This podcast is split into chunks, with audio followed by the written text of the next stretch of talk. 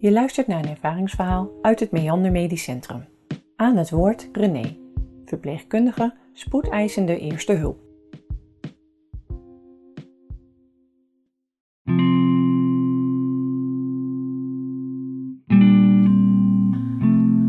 Omdat de doktersassistente, die normaal achter het loket op de eerste hulp de mensen inschrijft, even eten is, zit ik daar als verpleegkundige. En ineens staat ze voor me. Een blonde vrouw, jaar of dertig is ze. En ze kijkt eigenlijk best blij. Ik heb me gesneden, zegt ze. Joh, zeg ik, ben je uitgeschoten met het uh, aardappelschilmesje? En weet je zeker dat het gehecht moet worden? Ja, dat wist ze zeker. Ik schrijf haar in, neem haar mee naar de kamer en maak de pleister los.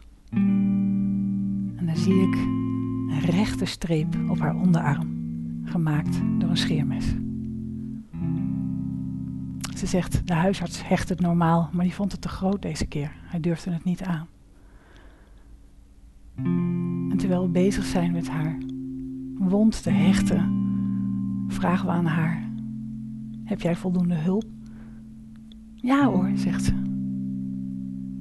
En ik vraag me af: wie zorgde voor de wonden op jouw ziel?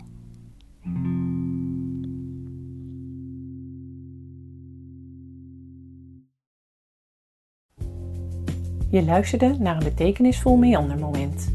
Een co-productie van Meander Medisch Centrum en Zorgdragers. Firma Reuring, Buitenzinnen, Sier en Nathan van der Veer. Benieuwd naar meer mooie verhalen? Kijk op zorgdragers.nl. De verhalen zijn auteursrechtelijk beschermd.